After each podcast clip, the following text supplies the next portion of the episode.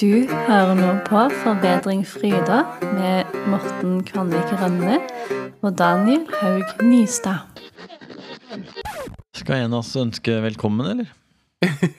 ja. Velkommen til uh, Forbedring Fryda.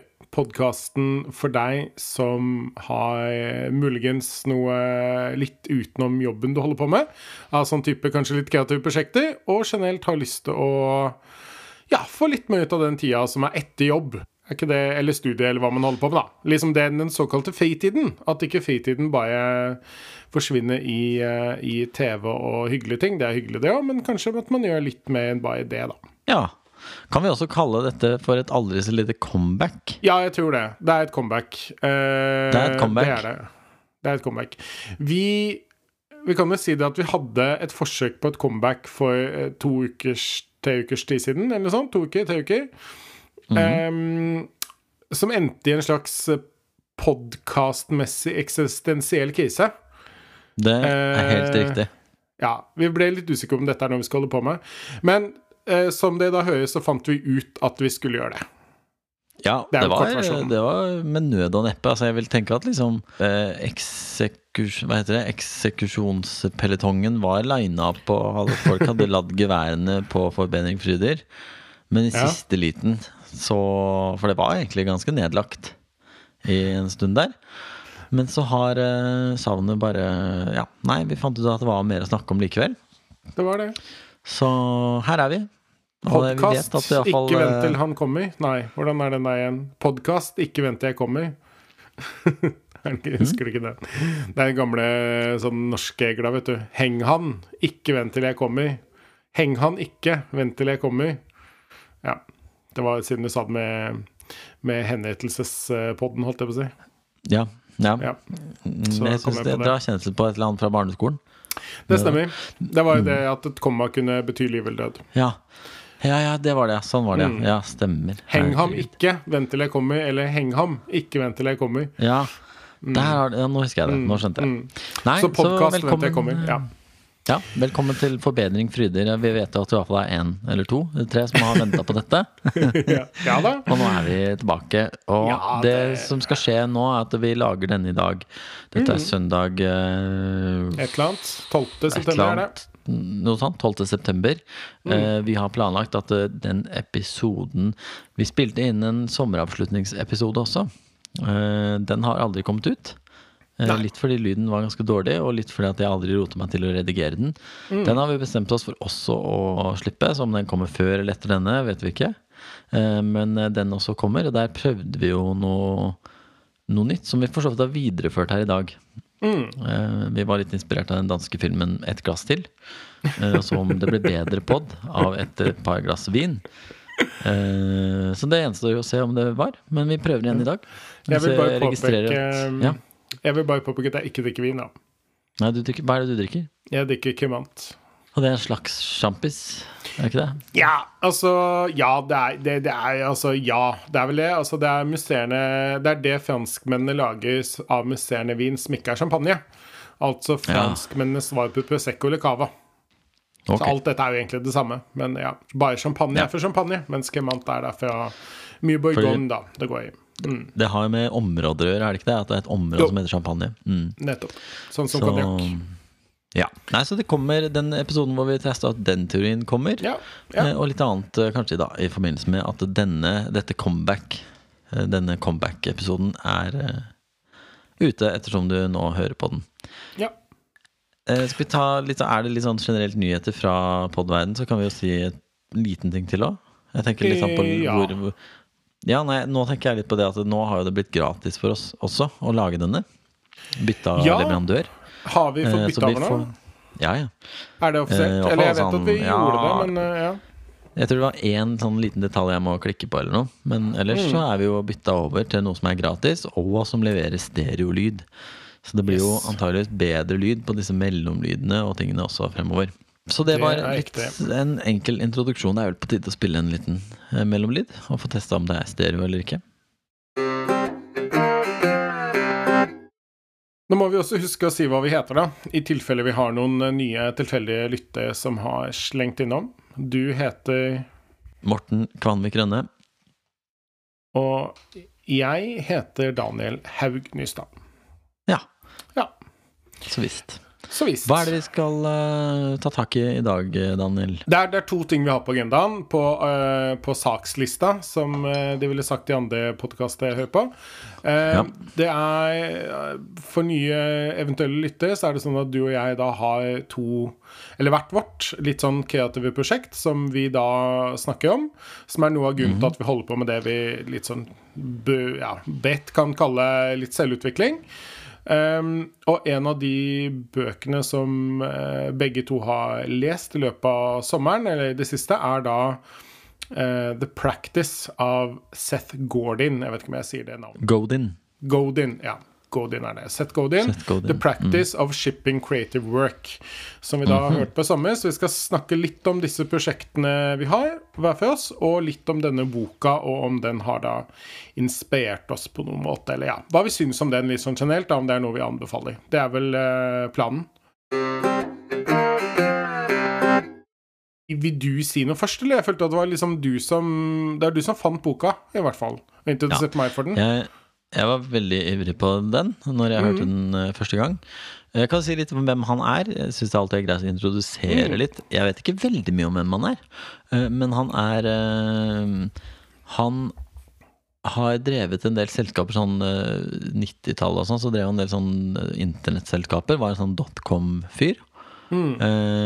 etter det så har han skrevet veldig, veldig mange bøker eh, om eh, markedsføring, blant annet. Eh, tenkning rundt markedsføring, og har vunnet en pris, eh, sånn markedsføringspris, og er liksom en litt sånn eh, Jeg virker som en litt sånn hipp og kul type, på en måte, som eh, har vært mye ute og prata og har mange sånne ideer, sikkert holdt en og annen TED-talk og sånne ting.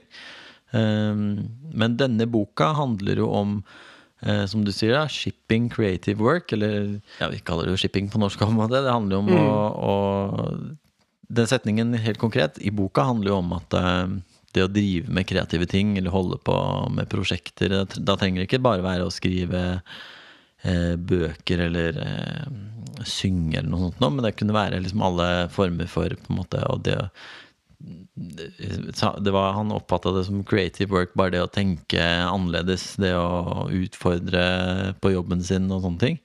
Det å drive med det teller ikke hvis du holder inni det. Altså du skal eh, du må, du må gi det ut, da. Det må komme ut til verden eh, for at det skal telle. Så det er derfor han har den undertek, eh, underteksten der. Eh, the practice, shipping, creative work. Og han, har skrevet, han har skrevet ganske mange bøker etter det. Jeg har bare hørt Ja, den, men veldig. ikke nødvendigvis så lange. Men det virker som at det er veldig mye sånn i det vi veldig bedt kan si er litt sånn sakprosaverden.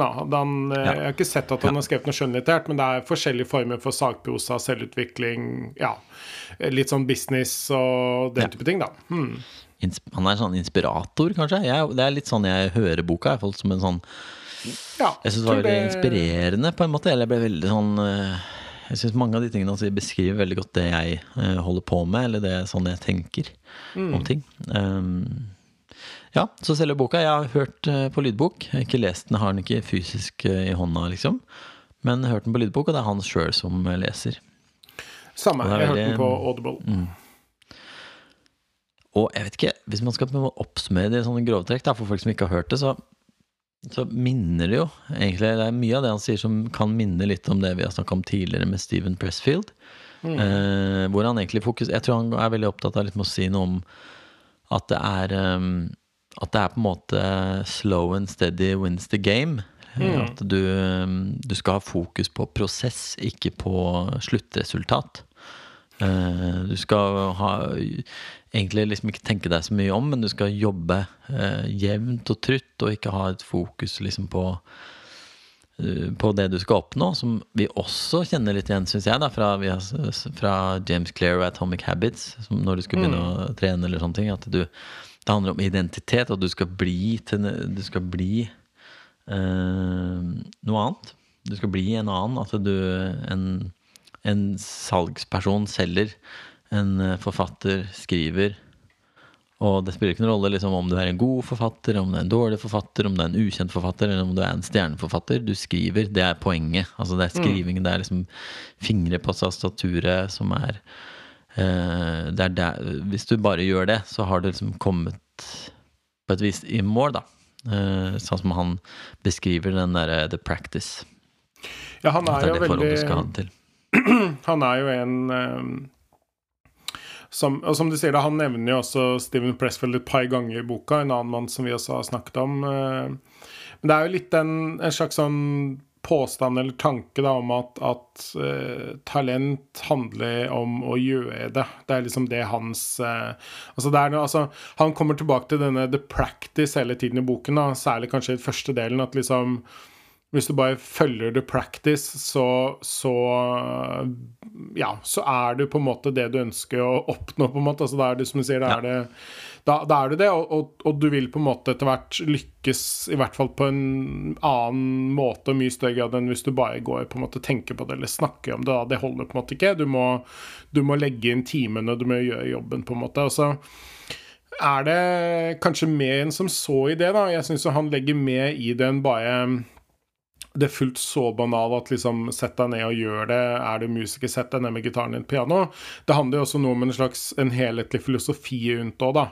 Um, som, som, i hvert fall sånn som jeg hører igjen, da. Um, men jeg kan jo si for min del at um, jeg ble litt sånn overraska. Eller sånn, du hadde snakka ganske varmt om den boka, uh, og syntes det var mye fornuftig i den. Jeg så kanskje for meg nå at siden den heter The Practice, så så jeg for meg at den skulle være slett veldig praktisk. At det skulle være en Kanskje litt mer sånn som du snakka om James Clair, uh, Atomic Habits, eksempel, eller, eller um, Chris Bailey, ikke sant, med The Productivity Project, den type bøker. At det er liksom veldig sånn ja, nede på jorda, da. Og til og med sånn The, Art, uh, The War of Art med Steven Pressfield, som også innimellom er ganske praktisk. Denne boken her, da, var veldig lite praktisk. Det er en veldig sånn Det er en beskrivelse av et sett verdier, egentlig, kanskje mer. da, Det er litt sånn Ja. Eh, Hvis jeg skal være litt sånn kjip, så ville jeg sagt det er litt sånn kjøleskapsmagnetversjonen. Eh, med veldig mange kapitler. Jeg tror det er godt over 200 kapitler på en relativt liten bok. Og de er korte, og det er litt sånn eh, Ja, det er liksom kort og konsist, ikke sant? Og så, så, så er det sånn You only get today once. Det er et kapittel. Nesten liksom Ja, sånn. Ja. Altså, jeg, jeg skjønner hva du mener. Jeg, skjønner, det er litt det. Jeg kan godt være med på den. Um, der er jeg kanskje bare litt annerledes. Jeg er jo veldig mye mer sånn svamp da, for å ta imot den type Altså, jeg føler så sterkt at jeg trenger det, da. Altså, Mm. Da fant jeg faktisk hele boka her i PDF med klikkbare kapitler, så jeg kan liksom ha noen eksempler, kanskje. Ja, det, Jeg liker også det han snakker om, at liksom ja, det, det er veldig vanskelig å ikke tra opp prosjektene som vi har egentlig parallelt med dette.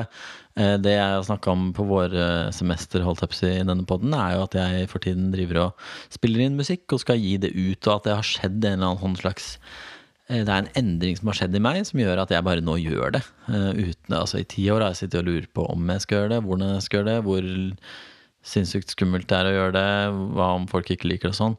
Det har vært grunnene til at jeg ikke har gjort det. Nå har jeg på en måte lagt det helt vekk og bare gjør det istedenfor. Og det er jo veldig i tråd med det han, han Mm. snakker om, at liksom du skal bare gjøre det. Eh, og så er det gjennom det at du lærer eh, de tingene som skal til for å bli god på det. Det er der du lærer å feile. Det er jo også veldig sånn klassisk sånn det noe, sånn, Kanskje litt sånn selvhjelpslitteratur, da. Men, eh, men jeg syns det treffer likevel. Og at, at han er også veldig opptatt av at det å sitte på ideer eller ambisjoner som du ikke gjør noe med, er å svi, et svik mot verden, på en måte. Altså du skylder verden Mm. og har prøvd. Du skylder verden det du Du kan være at du sitter på en liten nøkkel til et eller annet større. Eh, sånn at enhver idé som du bare pisser på, liksom, det er han snakker om det som et svik mot verden. Eh, Det også liker jeg. Du skylder oss det. Så kom igjen, get your shit together og liksom gå og gjør det du skal. Fordi vi trenger antageligvis å høre det, og kanskje ditt sammen med han som blir inspirert av det du gjør. Kanskje det blir til noe. Jeg liker veldig godt eh, det der. Så jeg, men jeg er selvfølgelig litt enig med at det, det er litt sånn eh, Det er på en måte litt sånn enkelt, men jeg, ofte så er jo det noe som treffer meg da, likevel. Dette litt sånn enkle og tydelige. Jeg synes jeg liker også veldig godt hvordan han snakker om kunst. Han snakker om art som bare det der den gang du rakk opp handa i et møte og sa det du tenkte på, som kanskje var noe annet enn det de andre tenkte på. Det er hans liksom definisjon på art. da Det der å rekke opp handa og ta en sjanse. Han sier at kunst er liksom å øh, gjøre noe som det ikke er sikkert fungerer. Uh, it might not work. Noe som kanskje ikke funker. Uh, og at du rett og slett bare stoler på prosessen og stoler på det du gjør. Og, og så vil ehm, Ja, så er det nok, da, på en måte. Det å gå inn i noe og investere i noe som kanskje ikke fungerer, er det han definerer som eh, kunst, da, eller art. Synes kunst er litt sånn snevert på norsk, egentlig. Men eh, Ja, begrepet han, art eh, er bedre. Mm. Han har jo en veldig vid definisjon av det, og som du sier det, han, han har et syn på det som jeg tenker er litt sånn kunst for kunstens skyld. Eh, det er vel litt sånn hans Hvor han står, da, at liksom eh, han er opptatt av at liksom du, Det er ikke hva du oppnår med det nødvendigvis i den sånn, kanskje mer sånn klassiske kommersielle forstanden. Det er ikke så viktig. Det er det at du gjør det, du er med å inspirere. Han trekker frem en del mennesker som har Som du aldri har hørt om, men som du likevel har brukt uh, brukt tingene til. Blant annet, nå husker jeg ikke hva hun heter, da, men hun som laget alle ikonene til Mac-ene, f.eks., som vi i dag Ja. har på mobilene våre. At hun, hun fikk en oppgave om å lage de, og de, de laget hun for snart 30 år siden, og fortsatt så brukes de, og ingen har hørt om henne, men he, he, altså, nesten hele verden kjenner til produktet hennes likevel, da, eller det uttrykket, den kunsten. da. Så han har veldig, veldig vid og, og, og altså sånn inkluderende begrep på hva kunst er, da, og at kunst finnes for sin egen del. Um, og at hvis du finner Det er jo sånt andre også har snakket om, sånn de tusen sanne fansa, liksom. Hvis du finner de, så er det egentlig bra nok. Du trenger liksom ikke å Eller da har du oppnådd veldig mye, da. Um, Så han er veldig inkluderende, og, og det er noe sånn ja, det som han, han hadde Han har en undervenn snakker om ideer, blant annet, som også minner meg litt om om eh, ja, sånn som James Altucher, som vi også snakket om før. At liksom Viktigheten av ideer som du sier, at du skal ikke sitte på dem. Og så sier han da Ja, hvor kommer alt fra? ikke sant? Hvor er det det oppstår? Og så sier han at gode ideer oppstår via dårlige ideer. Og det synes jeg er sånn Det er jo Det er litt sånn kjøleskapsmagnet, men det, det syns jeg funka da. Det traff meg at jeg syns det var godt sagt. Eh, og litt sånn Ja, det er ikke nytt, men um, det interessante er ikke alltid nødvendigvis å være så veldig nyskapende, men at man greier å si disse tingene på en ny måte. Så for min del så syns jeg at han innimellom treffer han på en måte som også funker for meg, men sånn i det store del for min del så ble han litt for Det ble litt for platt for min del, da. Jeg likte den ikke så godt. Jeg syns Steven Presswell er mye bedre, f.eks., men det betyr ikke at det er dårlig. Han er veldig opptatt av det også å si at eh, At liksom det Om, om det om du, om du får en negativ kritikk, da, så betyr ikke det så mye. For det betyr bare at det produktet du har laget, var ikke for den personen. At du må tøye å tenke at dette er ikke for deg.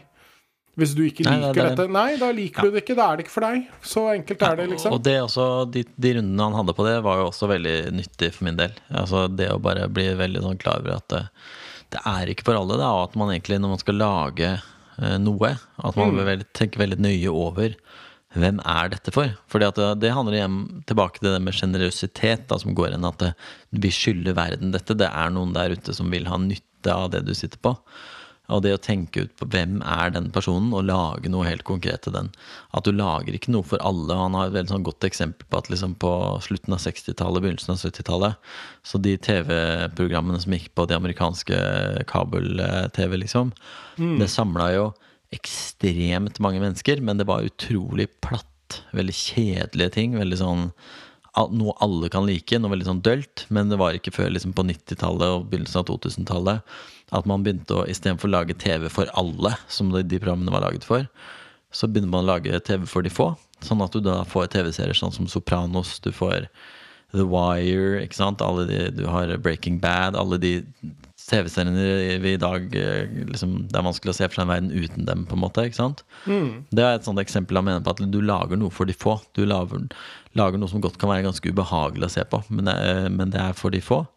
og de få vil elske det og, og sette pris på det. Og det syns jeg var veldig eh, Og igjen, det er jo ikke noe Det kunne vært en kjøleskapsmagnet, det òg? Lag noe for de få, ikke for alle. Men det er. Men det er likevel han, måten han legger det frem, og med disse eksemplene som du Ja, som har nytte, da, for min del. Jeg syns det er um, Det med denne sjenerøsitetstanken, at liksom det handler om å gi noe, da. Um, ja, jeg, jeg, det funker for meg, altså. Ja, altså, jeg, jeg syns liksom noe av det funka, og, og, Det er jo litt sånn balsam, da. Man blir Jeg kjente at, at um, hvis man er usikker, som jeg har vært mye på dette prosjektet mitt nå, så er det å høre en sånn bok kan uansett være veldig bra. Fordi at du, du får litt troa, mm. og, og, han er veldig opptatt av liksom å, å jeg vet ikke, være litt sånn nedpå, være litt åpen og sjenerøs. Altså liksom Ting tar tid. Ja, det er faktisk vanskelig. Men det er ikke så farlig, for så lenge du følger mm. denne the practice-prosessen, så kommer du i mål. Det er bare snakk om å gjøre det lenge nok. Um, og, og, gjøre det ja, på en fornuftig måte, da. Um, og, og, være i the mindset, eller i hvert fall komme deg dit da, på et eller annet vis. Så, så han er veldig sånn det er, det er, en veldig inspirerende bok på noen ting, i hvert fall på de tingene. Uh, og så må man kanskje bare liksom finne ut sjøl om, om, man takler litt den kanskje litt sånn floskelaktige måten som jeg oppfatter det, liksom. Eller floskel er så veldig sånn negativt ord, men ja, på det verste blir han kanskje på det. På det beste så er det noe gullkorn. Det er litt, det er litt begge deler, kanskje, men men uh, ja, sånn som det at gode ideer kommer fra dårlige ideer det, det, det, er så enkelt å si, men jeg tror også det er veldig noe Altså Det tror jeg er veldig veldig sant. Ja. Du må prøve mange forskjellige sant. ting, da. Mm. Og det er ja, jeg, jeg syns jo eh, det gjelder jo litt Eller vi har jo på en måte trukket det litt inn i det vi holder på med akkurat nå, da. Spille inn denne poden. Uh, ja.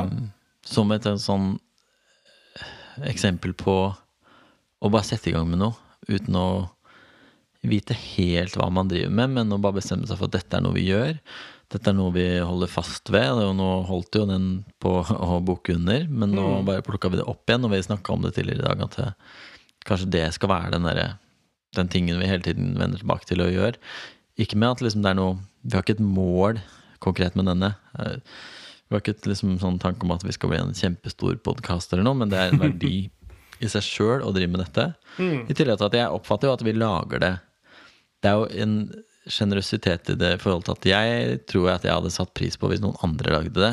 Eh, eh, jeg hadde hørt på det fordi at jeg ville kjent meg igjen i det å jeg vet ikke. Det som vi mer og mer snakker om, da, som er eh, det å ha et eller annet prosjekt, eh, kanskje til og med det vi kan kalle for et kreativt prosjekt ved siden av det man eh, betaler maten og, og mm. huset og hjemmet og sånt noe. At man har noen ting gående. Det, så jeg liksom Jeg ser litt på det, denne poden som vår Eller kan være en sånn felles Jeg vet ikke, Har du funnet en god oversettelse av det der begrepet 'the practice'? Altså Nei, det er vel kanskje prosessen, da. Eh, ja, prosessen. Eller ja. Mm, han legger jo som sagt veldig mye i det. At det var derfor sikkert jeg kanskje han Han kommet litt sånn dårlig for meg, da, for jeg trodde han skulle være veldig sånn Eller jeg vet ikke, jeg så for meg liksom sånn OK, her er mine. My 25 tips, liksom. Sånn som er sånn typisk selvutviklingsgreie. Ja. Det, og det var det ikke. Ja. Det var veldig mye mer filosofisk, eh, hvis man skal si det sånn. Da, at, eh, mm. Mye mer åpent og mye mer sånn større perspektiv igjen. At liksom Ja, som du sier, kunst for kunstens skyld. det er noe som du gir til verden, og, og, det er ikke så farlig hvorvidt mange hører på det eller få hører på det. Nei. Det viktigste er at de som hører på det, får noe ut av det, at det er bra. Mm. Og samtidig som han også er litt sånn han også sier at liksom, det holder ikke at du syns det er bra, med all sannsynlighet. Du må ha noen ja. andre som er inn der for å faktisk også Du må ha, du må ha på en måte prøve å skape deg et slags sånn eh, lite sånn samfunn rundt det prosjektet, da, med andre som er interessert i det samme og sånt. Mm. Og lære av de beste, men eh, så ikke liksom bare tenk at du gjør det for din egen del på den måten, men at eh, ja, ha det som mål. Da. Det at du gjør det, er målet, liksom. Mm. Det er ikke nødvendigvis mål at du, at du, skal få et eller annet ut, og, og, at det skal bli en eller annen kjempesuksess. For det, det har ikke noe å si. Poenget er at det er, altså det er like mye suksess at det er noen som liker det, som at mange som liker det.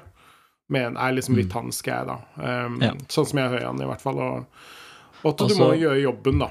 Du må faktisk gjøre jobben. Ja. Og så forklarer han jo en del Det også syns jeg var inspirerende og interessant. Han sa det der med at for 100 år siden eh, så, så var en, liksom verdien en stor verdi og viktig verdi i samfunnet var å på en måte eh, klare å passe inn. eh, og klare å være liksom en eh, Altså Det handla om den store altså storproduksjon. Alle skulle kunne jobbe på en fabrikk, gjøre en sånn jobb. Kunne være utbyttbare. Man skulle alle lære seg en sånn generell kunnskap som alle måtte ha. Alle måtte kunne de samme tingene og være bygge seg opp til å være en del av det derre ja, produksjons... Det enkle, den enkle verden da, som man kanskje hadde fra si, sånn 18... Jeg ikke, 1870 til til og med sånn røftlig i dag, da, hvor det i ferd Altså, det er jo, skjer jo store ting med digitalisering og med, med, med sånn AI, kunstig intelligens og disse tingene, som, som han mener at nå er tiden hvor før så måtte du pakke ditt individuelle jeg ned. Du måtte kaste fra deg liksom ditt eget perspektiv og din egen stemme i større grad, da, bare for å bli en ja, la oss si en, en fabrikkarbeider, eller passe inn i, i organisasjonene som drifter samfunnet, mens i større og større grad også vil det være behov for at den enkelte stemmen kommer frem med den individuelle perspektivet, da. Eh, blir eh, mer synlig, og er det, er litt det som er bakgrunnen for at han sier at du er nødt til å du er nødt til å rekke opp handa og si din, ditt perspektiv på ting. Eh, vi trenger det, liksom, nå fremover. Er det ikke Jeg tror det er han som også sier at eh, alle andre er tatt, så du er nødt til å være deg selv. Ja, ikke sant. Det også kunne vært et kjøleskap. Ja, det Det kunne vært sånn sånn på Nille. Det kunne vært på Ja, Nille. det Sånn der innramma sånn Ja, Alle andre er tatt, så du må være deg selv. ja, Med sånn fin sånn blomstergreier rundt. Eller kanskje enda mer sånn alle andre vært tatt, så jeg var nødt til å bli meg selv. Kanskje enda mer Ja. ja. Og det er, det er det jeg mener, at jeg får litt sånn øh, Jeg får litt sånn cringe av det. Eh, Ja, jeg- jeg skjønner- jeg skjønner det. Samtidig som Jeg jeg. Ja, det er litt koselig òg, da. Det er litt koselig altså, Jeg vet ikke, Kanskje ikke sammenligne med litt sånn dårlig julefilm. At liksom, ja, det er litt sånn Å, gud, ser vi på denne igjen, liksom. Dette er litt pinlig og fælt. Men så er det litt hyggelig og litt koselig. Det er litt sånn jeg pleier å kalle det for syndig fristelse. ikke sant? Det er en fornorskning Guilty av pleasures. guilty- ja, ja, syndig fristelse. Det er litt en sånn syndig fristelse som du kanskje kan kose deg med, og som i hvert fall ikke Det gir deg i hvert fall ikke noe dårlig selvtillit eller noe mindre Nei, lyst til å nei, kjøre nei. på med noen prosjekter som er litt, kanskje litt crazy, da. Nei, det er nettopp det, da. Ja, det er nettopp det. Han er så liksom opptatt av det at liksom du Ja, du kommer til å være rar, du kommer til å virke helt merkelig, du kommer til å ha andre mål enn andre, du kommer til å ha andre verdier enn andre. mm. Men kom igjen, liksom. Det er det Du må ha det. Altså, kjør på. Mm. Det, det trenger man jo å høre. Han snakker om dette med self-doubt. Og det er jo, ja det er, Jeg syns det er veldig mye av det som er så gjenkjennelig, og som, som man må bare høre gang på gang. At noen sier at drit i det, drit i det. Det kommer til å virke rart. Det kommer til å være rart. Det er bra å være rar. Det er pluss. Det er fint, det. Vær rar. Ja, og det, jeg kan jo bare si trenger eh, det mange ganger. Jeg må jo si, jeg, jeg ble litt inspirert av eh, Eller inspirert, jeg vet ikke om det er ekte ord. Kanskje, Nei, det var ikke ekte ord. Men jeg ble litt eh, Jeg leste et intervju med en norsk eh, relativt Ja, i hvert fall begynt å slå litt igjennom nå. Krimforfatter som heter Agnes Louise Mate. Um, som jeg ikke hadde hørt noe av, men jeg leste et intervju med henne. Og så ble jeg litt sånn overraska, for jeg føler at hun var litt inne på noe av det som han snakker om. Da. Hun er da på det tidspunktet, da, jeg tror det var noe for hennes siste bok utgitt nå, så ja, eller et nytt intervju, så var hun da Så sier hun liksom ja, nå er jeg 55, jobber fulltid som lærer eller lektor eller hva det var. Jobber i hvert fall i skoleverket. Um, og som sier at hun, hun har ofra tid med familien og barnebarna, var det vel, eller i hvert fall med nær familie, for å skrive bøker, følge den drømmen. da. Um, og det er veldig sjeldent Jeg kan ikke huske å ha lest i hvert fall en norsk forfatter, eller egentlig noen, kanskje noen sånn kreative personer på norsk i det hele tatt, som har vært så direkte som hun var i det intervjuet, at liksom Ja, jeg har ofret familietid, jeg har ofret feriene mine for å holde på med dette prosjektet. Og hun er Nå begynner hun vel å bli mer og mer anerkjent og, og på en måte ha litt sånn vind i ryggen, men hun har holdt på lenge med dette uten på en måte Ja, vært en av mange, da. Ehm, Og, og, selv nå så er hun jo langt ifra noen uendelig hoist eller noe sånt, men, men, det er bare litt kult å lese den type intervjuer, at noen faktisk har så bevisst forhold til det. Og det tror jeg jo veldig mange har. Jeg tror alle som holder på med det, har det på et eller annet vis, som er på et, et visst mm. nivå hvor dette faktisk tar tid, da, hvor man setter mye tid og energi til det. Men det er veldig sjelden at folk innrømmer det. Mm. Uh, I hvert fall ja, som jeg leste. Så jeg ble veldig imponert av det intervjuet, så jeg leste faktisk denne boka hennes eh, ja, på grunn av det. Ja, ganske. Det er Hvis du liker norsk eh, Kim Dette foregår vel litt sånn i Jeg tror det er sånn type Sunnhordland. Øystese. Mm. Det er vel noe rundt deg, mm. eller om det er noe i Hordaland. Rundt deg, i hvert fall. Ja, det er vel ja, på Bergensbanen et sted, i hvert fall. Ja, det er på Bergensbanen et sted. Så det er litt sånn eh, ja, kunne kanskje minne litt om Camilla Lekberg, de første bøkene hennes. Så absolutt å anbefale. Men, men, det var mest også bare det intervjuet med henne som jeg syns var veldig fascinerende. da. Hun var litt inne på nettopp det som jeg også føler at han sier, at dette, dette gjorde hun ved siden av 100 jobb, og, og det gikk, utover, ja. gikk faktisk utover andre ting i livet. da. Du, du velger noe. Kult. Mm. Ja, det er det, det er det, det er egentlig veldig bra, som du sier, at noen at man sier litt om det, da. For det koster jo mye å holde på med noe uh, mer enn bare den vanlige mølla, på en måte. Mm. Uh, det kan nok særlig, både den ene og andre skrive under på. For Jeg har sett sånn lignende intervjuer med Og det er kanskje det da med, med kjente forfattere, sånn som mm. Jo Nesbø eller Unni Lindell og andre, som er litt sånn typiske sånn Her er vi den flotte hytta. Eh, ja. Jo Nesbø får spørsmålet nå har du snart en kvart milliard på bok, hvordan har pengene endra deg? Altså sånn, de har på en måte, ja. ja eller Tom, Tom, Egeland med den nye Lamborghinien. Altså sånn, det er litt sånn de som på en måte har lykkes med det, som har det som jobb, og derfor mm. kan man tenke Det er mye større grad er i stand til å på en måte kombinere dette som man gjør en vanlig jobb, med, med et normalt familieliv. da. Men den type folk som egentlig jobber 200% eller i hvert fall de har basically to jobber. De har jobben de tjener pengene sine på fordi man må, så har de disse, disse kreative tingene som, som, de også da gjør på fritiden. da. Når alle andre er mm. ute og er på ferie eller henger med familie og venner, så er de ute og gjør dette, liksom. Ja. Jeg, jeg tenker, på han, uh, tenker på han Wolfgang Wee, altså, som jeg nevnte en annen gang. Han som, nå, han som driver den podkasten Wolfgang Wee Uncut. Mm. Som er sånn Han jobber i NRK fullt. Ja. Jobber i radio og driver med forskjellige ting der. Uh, I tillegg til det så produserer han altså Jeg vet ikke hvor mange episoder i uka, jeg. Og det er timevis med intervjuer. Altså Han har jo opptil fem timer lange intervjuer. Samtaler da, med folk. Er, og, han, det, det, og, det, er ikke bare lyd, det er video.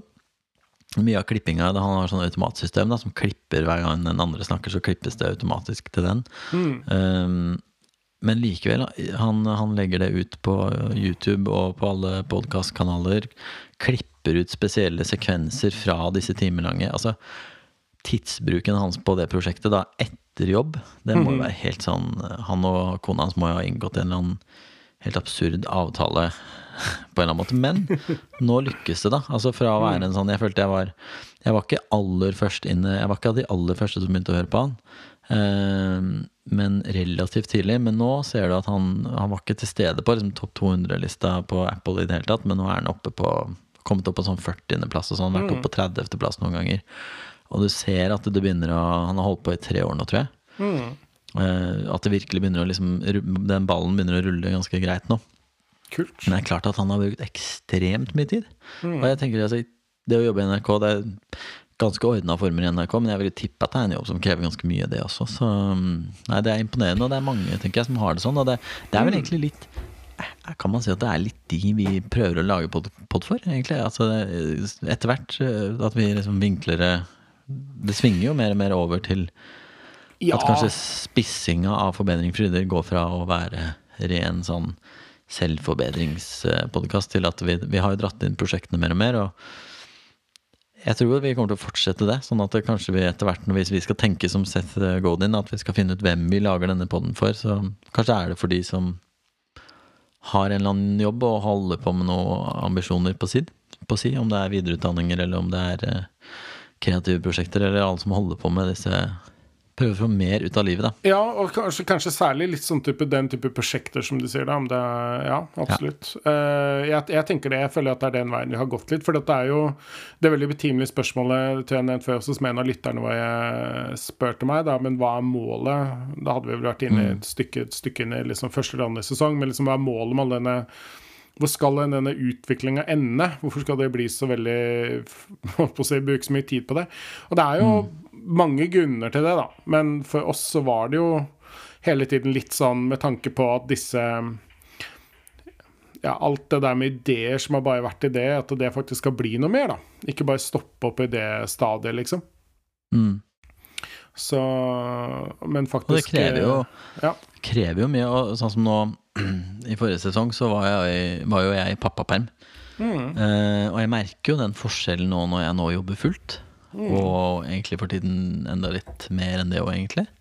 Um, det der med å holde energinivået oppe, klare å sette seg ned. Um, jeg tenker at det er nyttig da, for verden at noen, uh, f.eks. oss, setter seg ned og leser disse bøkene, uh, drøfter disse tingene, tenker høyt, snakker oss imellom og tar det opp og legger det ut. jeg tror det er Absolutt. Jeg, jeg det kan være nyttig for noen. Så gjelder, vi i fall å, gjelder etter hvert også å få det markedsført i riktige kanaler og sånn. Men uh, først og fremst nå så tenker jeg at det er viktig at vi bare holder det gående. At det blir vår sånn uh, greie. Sånn sted vi går til, og det bare gjør vi Uh, fast. Mm. Um, men ja, nei, jeg, jeg liker Jeg må si at jeg likte boka godt, da. Den The Practice. Jeg, men jeg er nok Jeg er kanskje en, jeg er en sånn sucker for disse Litt sånn amerikanske tankegangen, da. Ja, men det, det, er, men det er kanskje litt den amerikanske Det er disse stemmene vi hører lite av her, eh, vil jeg påstå, egentlig. At det er liksom Det er den mest alternative av oss. Det har vi jo Du har jo nekta for det, men vi har jo slått deg fast. Det er jo litt, eh, du er litt en sånn eh, alternativ av oss, er det ikke det? da? Ja. sånn eh, Men jeg er så det er mest, å jeg, eh, det er mest batikkskjorte hos deg, føler jeg. Ja, men- det Siden det jeg har gått rart. tegneform og farge og sånt, så er jeg litt mer sånn deg eh, ja, du har gått tegning, form og farve og studert kunsthistorie og sånn. Jeg har Ja, gått ja, uh, bedduck og. HR-fag og Ja. sånn. Det er kanskje den er bare stykket- sprekk. Når, jeg, når det kommer til stykket, så er det Så jeg som sitter det. med pusteøvelser og og han Wim Hoff og liksom blir, spiser vegetarmat. Men, men, eh, men det jeg er redd for, er å være ukritisk, da. Altså Jeg vil jo ikke være helt sånn som bare sluker alt helt rått. Og jeg skjønner hva du mener når du sier at dette er litt sånn kleint òg, men det er likevel Jeg trenger det veldig, altså. Den der beskjeden om at liksom, det er bare å gjøre det. Drit drit i det. Kom Ja. igjen, gjør det. Altså, og det handler om Han liksom sier hva Han hadde uttrykket uh, the power, poverty of intentions. Altså hvor liksom stusslige intensjoner egentlig er. da Og det er, kjenner jeg så lett igjen. Liksom Alle disse intensjonene man har. Som ikke blir backa opp med handling, på en måte. Alle intensjonene om det ene og det andre. Ehm, og da sier han at liksom alle som har sånne intensjoner som blir liggende, du må få deg en, en practice. da Du må få en ja, Du må fokusere på prosessen, og det er jo det. Nå har jeg da prøvd det da siste tre kvart året, men når det gjelder musikk og disse tingene. Og bare ok, nå bare driter vi alt av kritiske tanker og alt sånt mulig. Man bare setter i gang, setter seg ned. Og han, snakker også veldig mye om begrensninger. Å sette begrensninger. Eh, constraints. At Ja, du er velger Altså du må velge vekk veldig mye ting. Og du må få alternativer. Og det også har jo vært en veldig sentral del av at jeg nå kommer i gang med, med musikkting og tang. Det er at eh, ja, nei, jeg har, jeg har to, tre, fire mikrofoner. Jeg har eh, det utstyret jeg har, jeg har de gitarene jeg har, jeg har de skillsene jeg har, jeg har de låtene jeg har. Ja vel. Så får det bare briste eller bære, men det skal gjøres nå. Så godt man eh, kan. Og Begynne, han snakker også om å begynne der du er. Du, du kan ikke Hvis du skal være liksom Jo Nesbø med en gang du begynner å skrive, eller hvis jeg skulle vært eh, Skulle satse på å bli Madrugada, liksom, eller Det funker jo ikke. Man må begynne med den man, der man er. Og hvis du bare skal veie deg opp mot den type ting, så er det jo bare ikke noe vits å begynne engang. ikke sant?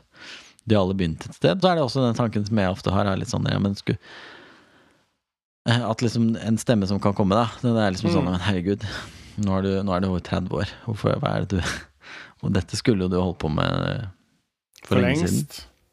Har jo forstått holdt på med det for lengst eh, også, at men da mangla jeg liksom de derre disse tingene da mangla den derre Han hadde noe med å passere 30 er jo at man ser hvor fort dagene går, hvor fort tida går. At det er bare Det er ikke noe Jeg kan ikke holde på å surre lenger. Så ja. Så tenker jeg Stein Torleif Bjelle, han eh, tror han var over 40 altså, når han eh, lyktes med musikkprosjektet sitt. Men eh, først og fremst nå så er jo min de, definisjon på lykkes med det er jo bare å, å gjøre det. Få det ut etter hvert. Da kan jeg jo si litt mm. mer om konkret eh, hvordan det går når vi kommer over i prosjektdelen av episoden. Men det er gøy, er det gøy å lage pod igjen, eller? Ja, det er veldig gøy. å? Eh, deilig å få gjort det. Nå er det noen måneder siden sist. Eh, Mhm. så, så det syns jeg absolutt. Og så Jeg vil bare si før vi, vi begynner vel kanskje å lande litt på det, the practice, men jeg vil bare si fordi mm. at det som er min ja, Jeg vet ikke om jeg skal si kritikk, da, eller hva jeg skal si, men det som er min beef med den boka, er ikke innholdet, for det syns jeg er bra. Jeg syns han eh, tar opp mye av det som andre har tatt opp på en fin måte, men det er formen.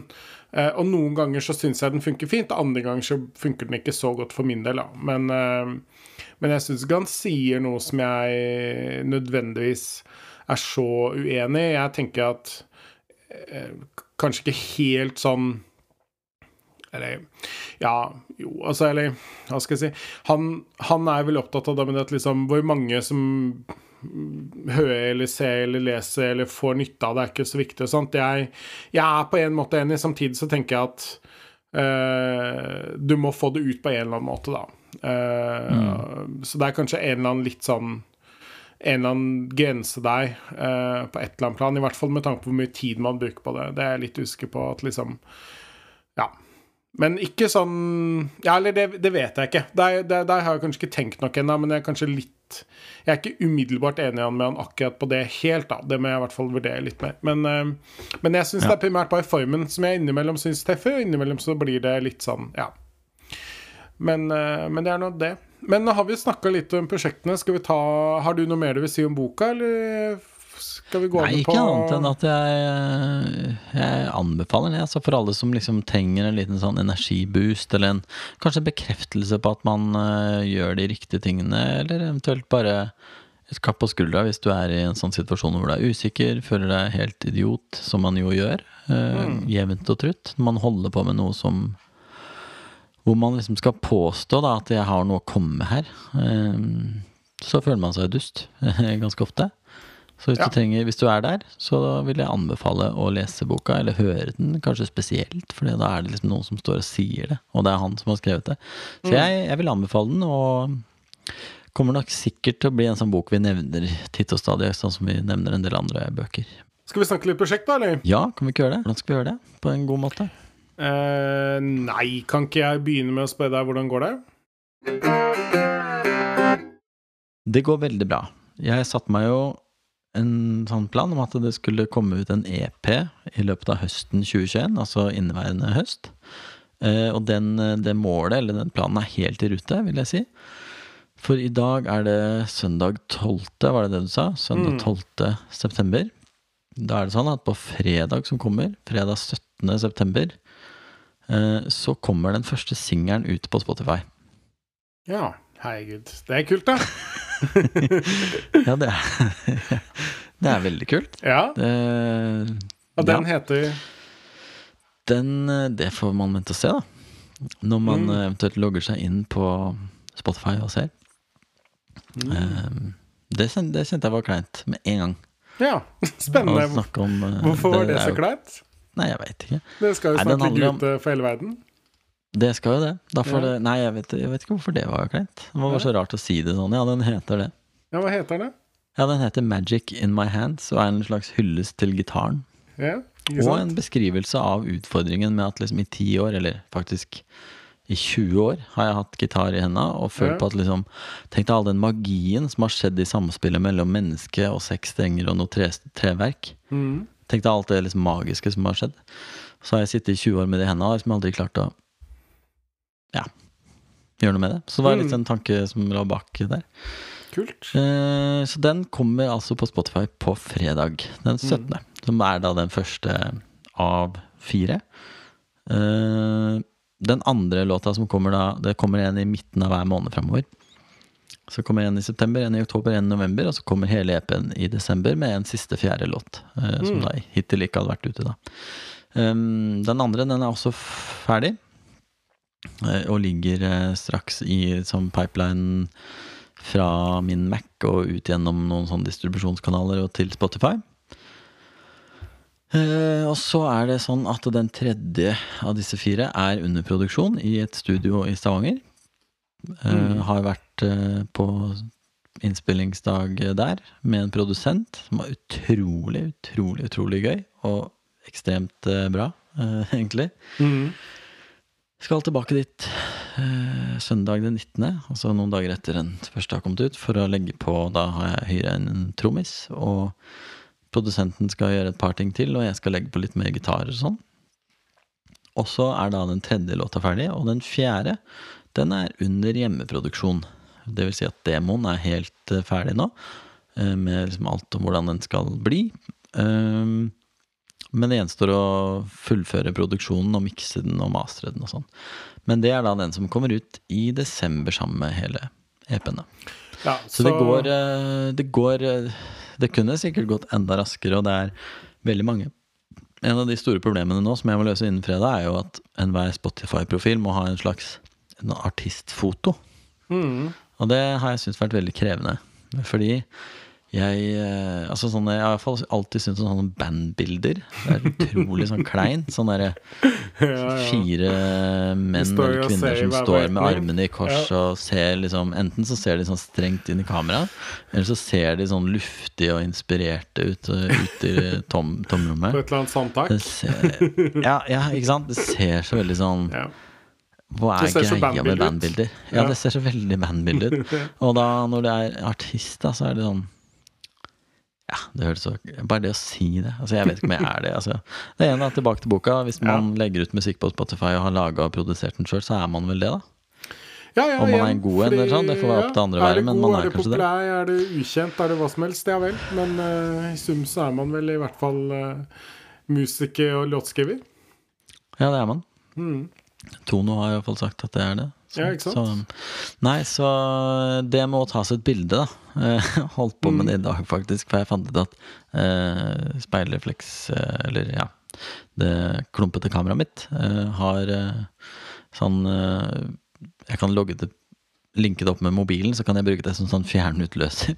Mm. Så jeg satt i hagen her og sånn Hm, åssen kan jeg gjøre dette? Men jeg fikk det ikke til. Og hva skal man gjøre? Skal, hvordan skal man se ut? Altså, Nei, det, det er litt sånn krevende, men jeg, i løpet av noen dager da, så må jeg lage et bilde. da Jeg har laga liksom en sånn coverart, da sånn eh, bilde til den singelen som kommer. Men inne på Spotify så har du kanskje lagt merke til at det er noen sånne små videosnutter som går når låta spilles. Sånne små sånne ting som loopes. Ja, Ikke helt musikkvideo, men slags sånn Nei, ikke musikk, bare en sånn ja, liten sånn visuell eh, Ja. ting på åtte sekunder eller noe. Jeg syns det det er innmari irriterende, men det er en annen sak. Syns du? Person- Å, jeg syns det er veldig gøy. Nei, jeg det er Men jeg sliter med å få til noe bra, da. Altså, Ja. jeg, mm, jeg hadde en greie som jeg holdt på med lenge i dag, og det er at jeg tegna Blir dette for detaljert, syns du? Nei, nei, jeg syns det er fint. Ja. Dette er jo igjen da, det er jo Det viser at det er jo mer enn bare musikk, på en måte. Det handler Ja, ikke ikke sant, bare om å lage Ja, I dag så er det jo truth, liksom. sinnssykt Mm. Sinnssykt mye mer enn musikk. Iallfall all den tid man ikke har folk rundt seg til å hjelpe til. Så er det jo alt fra at man er sin egen fotograf, man er sin Mm. egen produsent, mikser. Man er sin egen sosiale medier-ansvarlig. Uten at jeg har Det også må vi komme til etterpå. Jeg har ikke gjort noe med det. vet Men øh, jeg holdt på med sånn canvas, som det heter. da Disse snuttene. det jeg gjorde, var at jeg liksom hadde tegna Jeg har tegna opp liksom veldig sånn enkel sånn strekfigur av meg sjøl, som er på vei oppover en slags slette. Og så er det en sånn stor sånn avgrunn. En stor avgrunn. Og i den uh, avgrunnen så står det um, self-doubt. Det står uh, fear, anxiety. Det står uh, procrastination. Og så står det Xbox. Ja. Alle de tingene som har vært i veien for at jeg har fått til dette, da.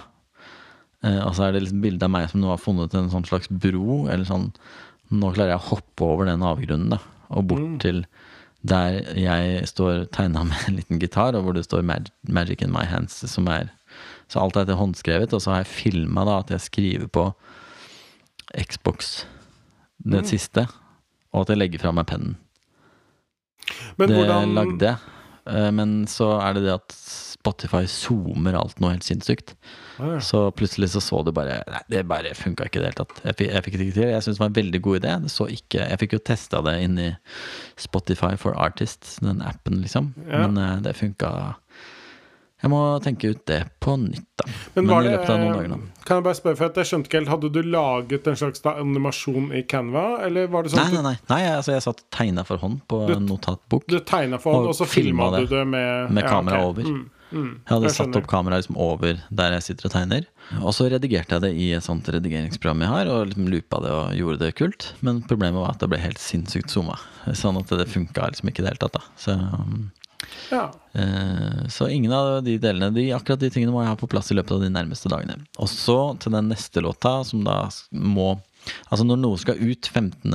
oktober, eller midten av oktober, så bør det være i pipelinen inn i internett eh, på en måte fire uker før. Som betyr om tre dager så bør den neste låta være ute med sånn coverart, altså sånn typisk albumcover. Eh, altså selve fila må være ute, beskrivelsen av den, hvem som har produsert, hvem som har gjort Det er en del sånn Mm. ting da som må gjøres eh, i forkant. Sånn at den neste låta må allerede nå ut. Der mangler jeg cover. Jeg har ikke noe coverbilde. Og den låta skal jo hete 'Det var sånn her det ble'. Mm. Eh, så jeg vet ikke om du på stående fot har en idé. Hva kan være coverbildet på det? I stad tidligere i dag så sto jeg med sånn kritt og tegna sammen med kidsa ute på plassen, så jeg skrev 'Det var sånn her det ble' med kritt. Tenkte, jeg. hm, Det bør vel kanskje gå litt igjen eh, Du har jo vist meg en del sånne cover-ideer, egentlig, så jeg vet ikke helt hvor du Mm. ligger nå med de forskjellige stilene og ideene, men Altså, Den som kommer på den på fredag, det er jo den lille legofiguren som danser på taket av en liten lekebil. ja, den var, ja, stemmer. Den var veldig kul. Da bør du holde på et sånn lekent tema, tenker jeg.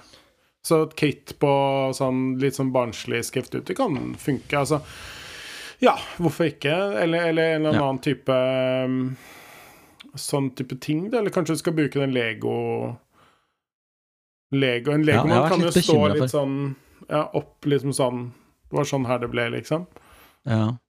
Jeg har vært litt bekymra for om man kan få sånn trøbbel med sånn copyright. Altså det at jeg brukte en Lego-figur. Nei, ikke på så lite, tror jeg. Det, det Nei, tror jeg virkelig ikke ikke.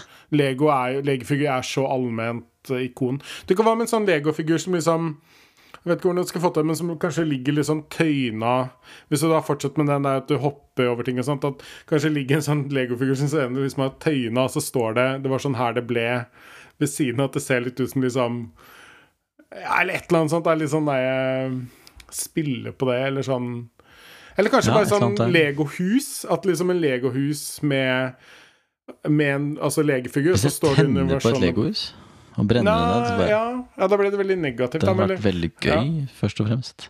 men sånn, det var sånn her det ble, og så spiller du litt på den der eh, familien, forventningene, kanskje et eller annet sånt. Jeg vet ikke. Hmm. Ja, jeg føler at det ligger noe der, eventuelt, men uh, Ja. Ja. Nei, jeg må disse tingene må jeg finne ut av. Men det viser iallfall da, for de som uh, kanskje Hvis det skulle være en lytter som også driver og legger ut musikk på internett, eller på verden Så Spotify er jo platemarkedet i dag. Ja, ja. Altså, Det det er- er jo på en måte det er helt vilt. Med- det, Ja, det er det. liksom. Det de er det som liksom. er platekompaniet. Så hvis det er andre som kjenner seg igjen i dette, så er det jo bare å, å spille inn Uh, ting. Eh, så det, jeg vil jo si at prosjektet går bra. Det er fortsatt sånne perioder nå hvor jeg, hvor det kan gå Jeg føler at det går litt treigt, det går litt lengre, og hver gang jeg sitter og knoter med det Det har jo litt med at Mac-en min krasjer jo hele veien, og Mhm. stadig vekk litt trøbbel på den fronten. Og så er det at jeg jobber fullt, da. Mm. Det er eh, Ja. Ja. Men jeg er jo, herregud, så mye mer som har skjedd på den fronten på de siste tre kvarte året. Ja, ja, I forhold til de siste ti åra. Man må bare huske Eh, det. Ja, det er helt vilt. Og det er eh, Innspillingen er jo ikke det er, no, det er jo ikke som om Stargate har produsert det. Men det er som om jeg og en annen produsent i byen her har produsert det. Han er jo dritflink. Eh, Men det er fortsatt jeg som gjør det meste, da. Sånn at det er sikkert ikke 110% men det er der man skal bare si at det er godt nok. Da. Men kan jeg bare slå For det, hvis noen ikke catcha det helt, så er det da til slutt, en eller annen gang i desember, så er det da fire låter på en EP. Hvor tre av dem er du som har skrevet, produsert og gjort hele pakka. Eh, eller i hvert fall more or less. eh, hele pakka aleine. Og så er det én låt hvor du har vært i et studio med en ordentlig profesjonell produsent og hele den biten der, og du har andre live musikere som skal inn og gjøre sine ting. Kan du si litt, fordi at eh, Du nevnte vel det før sommeren, tror jeg, men kan du si litt om hele den prosessen med å gå, altså ta kontakt med han, hvorfor du tok akkurat han, og, og den prosessen om å være i studio og spille inn, da? For det er jo en ganske unik Altså, det er ikke noe, det er ikke noe vanskelig å få til hvis man vil, på et vis, men det er likevel en, det er en bøyg, og det er jo noe som de fleste ikke har gjort her i livet. Ja. Nei, du, det er, um, det er helt riktig. Den, det er én låt som gjøres i det studio, og det er jo en låt du har skrevet halvparten av. Uh, by the way. Det må jo også nevnes. Du har skrevet uh, store deler av teksten, refrenget annet. Ja. Sånn at uh, dette er jo egentlig Forbedring uh, i musikkversjon. Uh, det var jo sånn at jeg hadde lyst til at en av de Altså, jeg vil lære mye. Jeg lærer masse om miksing og innspilling og sånn via YouTube og sånt, og gjøre det meste hjemme sjøl. Men så ville jeg også at en av de er gjort av noen som, som kan det. Um, så da var det vel egentlig bare sånn glimt av uh, sånn ivrighet, holdt jeg på å si, tidligere, hvor jeg bare sendte en mail til han. Uh, produsenten kan jeg sikkert kan jeg bare si hva han heter òg. Altså, han heter Espen Eidem. Han driver noe som heter Han har sitt eget eh, studio som heter Komet lydstudio i Stavanger.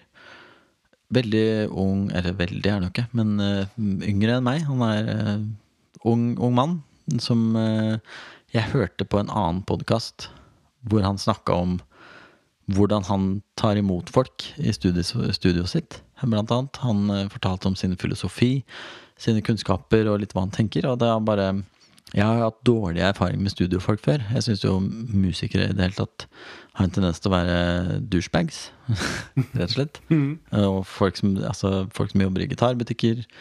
Ja, bare så Hvis man hadde dårlig selvtillit på sånne musikkting fra før, så får man det i hvert fall av av å være sammen med andre musikere. Eh, Ofte, iallfall de jeg har truffet. Men han var jo bare veldig så nedpå og kul, så jeg bare tenkte at han må jeg bare sende mail til. Så da gjorde jeg det, og han, eh, vi booka tid og sted. Og hadde et eh, godt møte i forkant, da, som var veldig viktig for meg å liksom få sagt noe om akkurat det her. da, At liksom jeg er Jeg er jo ikke skolert på noe som helst plan på musikk. Har ikke noe Jeg har holdt på med det mye. Jeg må, kan du si det, at jeg har holdt på mye med det.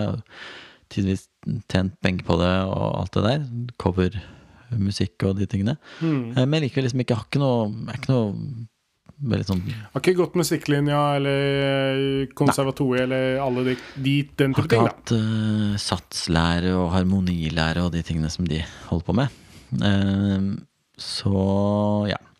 Nei, så det hadde veldig godt formøte uh, med han. Og, og dagen eh, i studio der var veldig bra. Det er jo, som du var litt inne på, det er en sånn spesiell setting. Og det er egentlig litt sånn Når man ikke har turt å gjøre noe med det på ti år, så er det jo litt sånn jeg vet ikke, intimt, på en måte, å bare invitere noen inn i det. Men det fungerte veldig veldig bra. Det Var veldig sånn lave skuldre, og prosessen funka. Altså, veldig, jeg, har bedt, jeg hadde bedt han på forhånd om at jeg, jeg ville at han skulle komme med innspill. Jeg ville at han skulle være med å strukturere låta.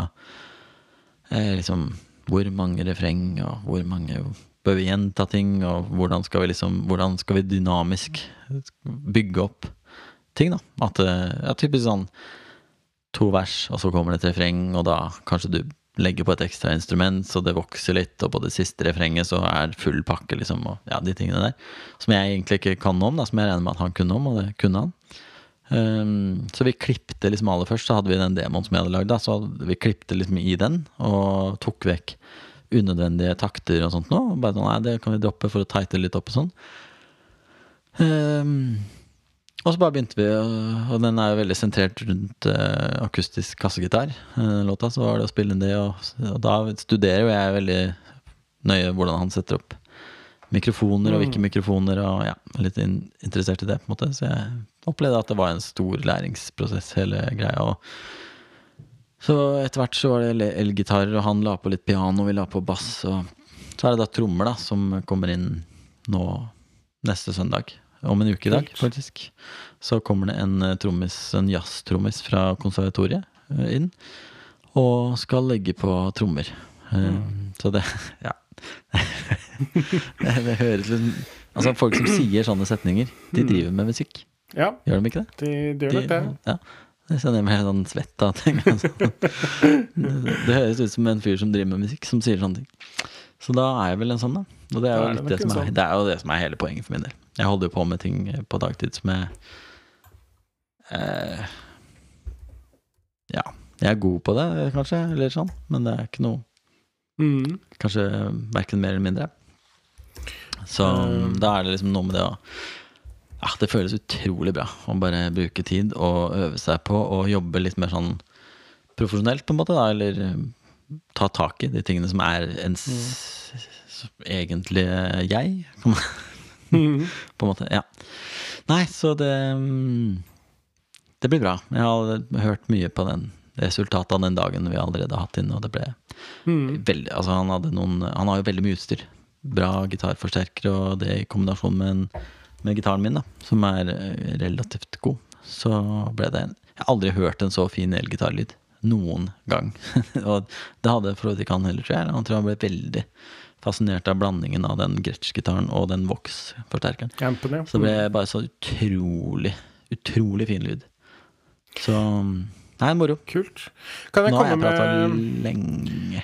Ja, kan jeg komme med en digresjon? Eh, Ja. Det kan du. Apropos det med studio og litt, en liten throwback til The Practice. Eh, vi sier navnet Herbie Flowers deg noe, Morten? Eh, nei. Nei.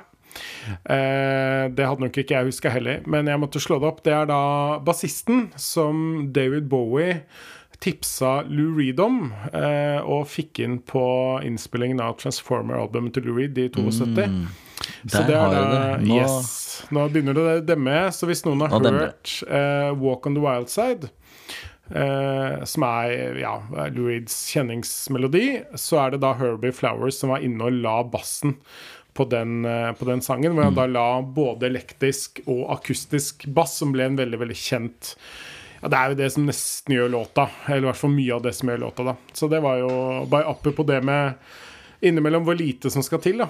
Og at noen er flinke og vet hva de holder på med. Og som da ja. han eh, Seth Goldin sier at det er jo en jobb som han Herbie Flower gjorde på et par timer, tror jeg, eller noe sånt. I hvert fall ikke Ja. veldig lang tid, men han hadde jo da spilt bass i 20 år før han kom inn og Det Ja. ikke sant? Da hadde han fokusert på prosessen i 20 år, sittet og klimpra på den bassen, og det betyr at eh, da kan du komme inn og legge på helt magisk bass på fem minutter, og så er det helt rått. Har ikke vi på en tidligere episode så sa du et eller annet om noe Nevnte ikke du den sangen? I en annen episode hvor jeg hadde lagt på noe musikk. Holly came from Miami, FLA Det er mulig. Det er en av mine absolutt favorittalbum gjennom tidene. Jeg har ikke tørt også en lang, veldig god eh, biografi om Lou Reed. Så, så ja. Det, det, det, det hadde ikke forundret meg om vi har nevnt eh, Jeg er jo fan av David Bowie, så dette er jo Route down my musical lane. Men jeg bare kom på det som et apropos. Eh, ja. Herregud, Ja. det var gøy å lage pod. Ja, så bra. Det var veldig ålreit å sitte og skravle litt igjen. Ja, absolutt. Ja, det var det. Ja, Og jeg- det jeg hjelper. Vi det- ser du har, Er du tom, eller? Jeg har dukket opp min Ja, jeg har akkurat bestilt et glass til. Du har bestilt et glass til, ja. Servitøren kommer til bordet. Um, ja, så bra. Skal Nei, så det- jeg ja. Ja. Du, har jo, du har jo mye å fortelle, Da. det har jo skjedd mye hos deg. Og det skal jo skje mye framover også. Uh, så det blir veldig kult å, å følge det videre. Det er jo på en måte så føler jeg at du begynner å gå litt inn for landing, selv om ingenting er lagt ut ennå. Så begynner du liksom å nærme deg det tidspunktet hvor ting kommer ut. Ja, det det gjør det. Det er jo bare no Altså, jeg har jo egentlig hatt veldig ambisjon Nå snakker jeg videre på mitt, jeg. Det var ikke meninga. Mm. Ja, det var det med markedsføring. Jeg har ikke gjort noe med markedsføring. Ikke sant? Det, det, det er det neste store spørsmålet. Hvordan og hvorfor og alt ah, det der. ja. men, eh, men jeg tenker at det kan vi sikkert ta på en seinere episode. Ja. Nå vil jeg høre hvordan det går med dine prosjekter. Ja, det tror jeg går forte og Ja, så der, ja. Der har de fått litt nytt i glasset. Jeg er fortsatt tom. Det tror jeg går forte å prøve å si noe om. Um, jeg står jo Jeg står ikke fast, men jeg kaver litt rundt på et litt tidligere stadium enn deg, da. Mitt prosjekt er for de som da eventuelt ikke har hørt det, eller har glemt det. Eh, så, så er det å skrive en eh, Det jeg kaller en fiksjonspod. Eh, som er da en historie lest som en lydbok, men med lydeffekter, litt sånn à la en podkast. Så det er på en måte å merge da lydboka og podkasten litt. Når jeg fikk den ideen ehm, og begynte å lefle med ideen og jobbe med den, som er en eller annen gang rundt jul, egentlig, i første, første som ikke funka, så var ikke det et fenomen som fantes i særlig stor grad i Norge. Eh, nå begynner det å finnes mer og mer. Og det er jo ikke fordi jeg har vært sinne meg klok, det er fordi det er et ganske åpenbart neste steg, egentlig, i litt sånn lydfortelling-verdenen, da. I hvert fall, dette, dette fenomenet begynner å be litt om seg. Jo Nesbø har laget to, selv om ja, han har gjort litt annerledes. Men han har to versjoner av det. Det er andre som har begynt å gjøre noe av det samme. Som for så vidt er veldig fint. Det viser jo at den ideen eh, har noe for seg. Eh, så det er kult, samtidig som det er med å kanskje mm, øke nivået litt, da, eller raise the bar eh, Ja. noe. Men for min del så ehm, står jeg fast Eller jeg står ikke fast, det er ikke riktig å si. Men det går litt seinere enn det jeg hadde trodd, på to ting. Det ene er da selve manuset. Fordi denne historien som jeg da holder på å skrive på, den ble litt mer komplisert enn det jeg kanskje hadde sett for meg når jeg starta. Blant annet så er det en veldig sånn sterk fortellerstemme. Uh, håper jeg, da. I hvert fall, eller den er i hvert fall veldig sånn Den er litt spesiell, da. Det har et litt sånn spesielt språk. Så det er krevende rett og slett å skrive i den formen. Er det litt sånn den Brødrene Dal-forteller Altså Er det en sånn forteller på utsiden av handling Eller som beskriver handlingen som skal skje, eller er det Hvordan er det der? Ja, det, det er det jo en del. Det er en del eh, Men ja, det er Blant annet så skriver jeg jo et sånt eh, Et sånt veldig sånn direkte språk. Det er en, en hovedperson som Jeg vet ikke, det er, det er vanskelig å beskrive det på den måten, men det er ganske mørkt. Det er ganske sånn noir-aktig. Det er skrevet i litt sånn nåtidsform. um, som gjør at det Ja, det er rett og slett litt sånn Ja, det er litt krevende språk, da. Og så har jo også historien endra seg ganske mye underveis. Det i seg selv er ikke så stort problem, men eh, det betyr også at jeg må, jeg må på en måte stoppe opp og tenkt ut veldig mange nye ting, da. Enn det jeg opprinnelig hadde tenkt. For når jeg har skrevet, så har jeg innsett at mine opprinnelige løsninger har ikke funka. De har ikke lenger funka i den historien som faktisk har begynt å bli skrevet. da. Så jeg måtte stoppe opp og på en måte gjort en del ting litt sånn på nytt. Eller egentlig ikke på nytt, men bare liksom finne nye løsninger på hvordan jeg skal få denne historien til å gå opp. Eh, og det har blitt en episode til. Jeg hadde først tenkt fire episoder, nå er det på vei mot å bli fem. Ok. Eh, Ja, er det, er, den er fortsatt uh, gjenkjennbar for meg. Altså, du har jo sendt meg deler av første episode. En gang, Er det liksom helt ute, borte vekk, eller er det bare bygd videre? Det er bygd videre, men jeg må nok skrive første episode på nytt. Ok, ja. Eh, ikke så mye pga. innholdet, men pga. språket. For at i den første episode så har jeg med et sånt Kanskje litt mer sånn mm, klassisk eh, Kim spenningsromanspråk. Mens nå etter hvert så har jeg nok Har det nok på en måte Eller ja, det, det får andre dømme enn meg, da, men jeg syns nok at jeg har utvikla språket med en litt annen retning. Jeg tror det nærmeste kanskje Nei, jeg vet ikke. Jeg vet ikke helt hvem jeg skal si at det ligner på. Det er, det er mye mer ekte, det er mye mørke. Det er mye mer ehm, Ja. Fra ett perspektiv. Um, ikke så mye utenfra, mer litt innenfra, kanskje. Um, så jeg må nok skrive om i hvert fall deler av den første episoden. Uh, noe. For at det skal bli Nå gjør det jo ikke noe om det er en utvikling i teksten, det er jo egentlig bare fint, men den må ikke bli så sterk at det blir for mye kontrast, da.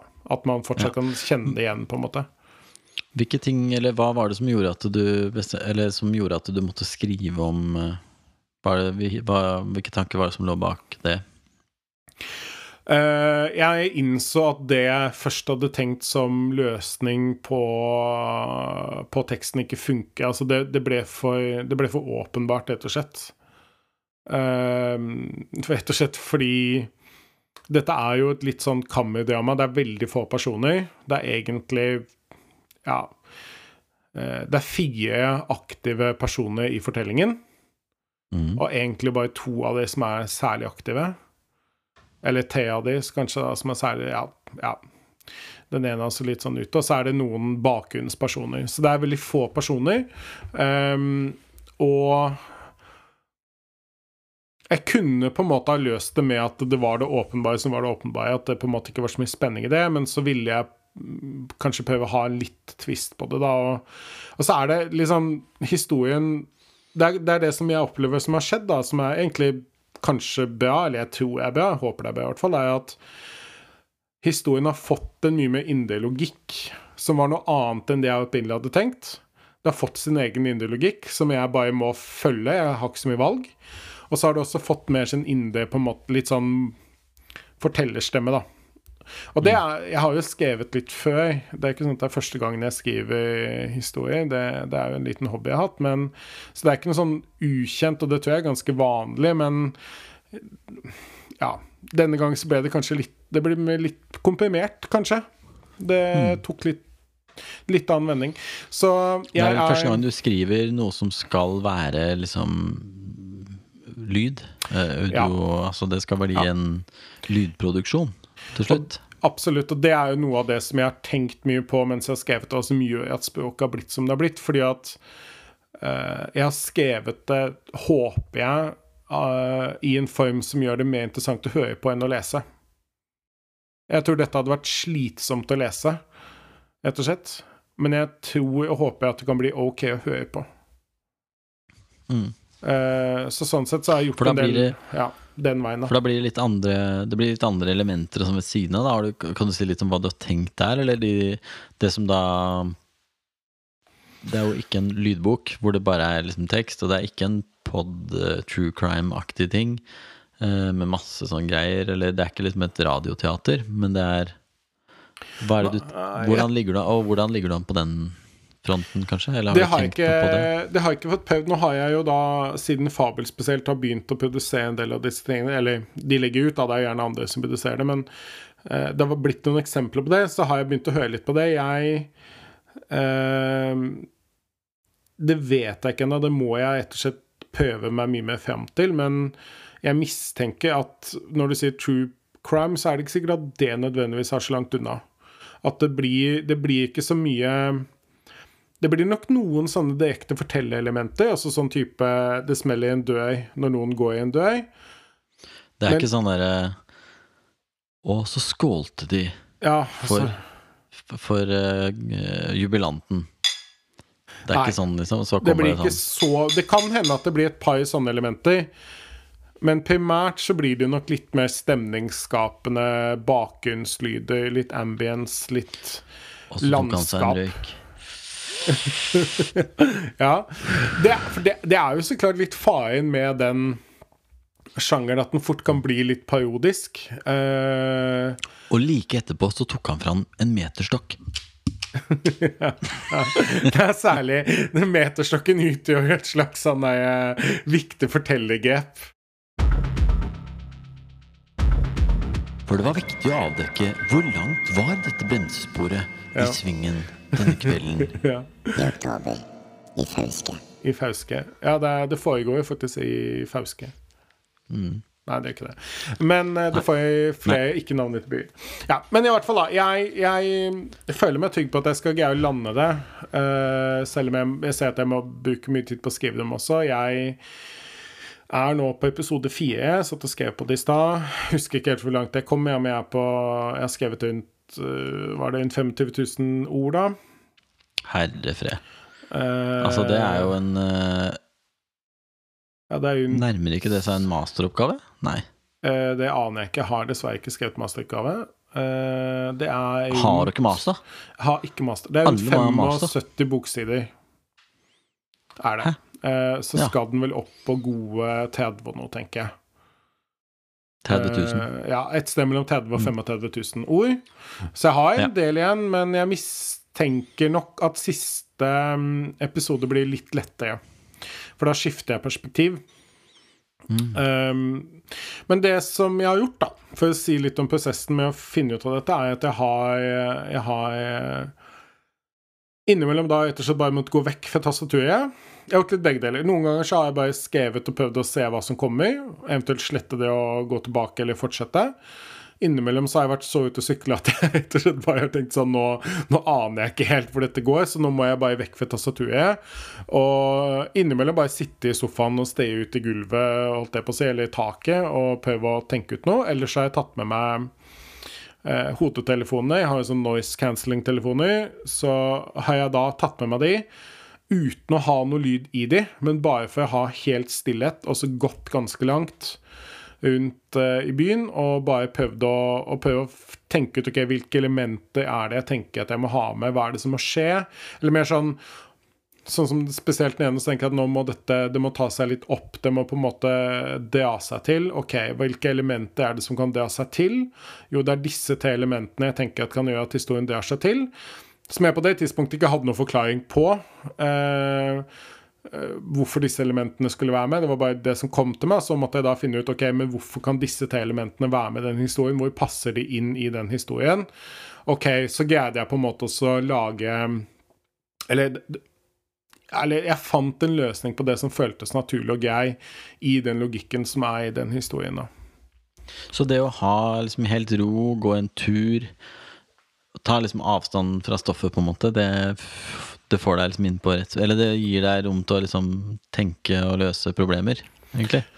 Ja, jeg tror det, det er viktig. Jeg må innimellom så må jeg bare ha litt ro. Eller så kan jeg liksom lese noe eller høre noe for på en måte bli litt inspirert av det. Men, men ja. Det er jo litt sånn å knekke noen koder, da. Prøve å finne, finne litt ut av det. Og, og igjen prøve å Ja, hva er det som skal med her, da? For da hadde jeg på en måte mista litt den opprinnelige planen.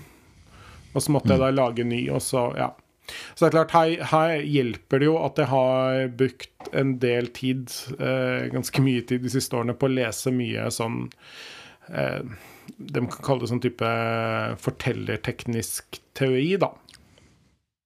Eh, mange Sid Field, eh, ikke minst, men mange andre enn han også. På en måte Hva er det som funker i en historie? da, og Det, det er jo mye av det samme som går igjen, men, ja, men det, det, har, det hjalp meg litt å få litt struktur på den prosessen. Hva er det jeg skal ha med, og hva er det som på en måte kan, kan inn, bygges inn her. da.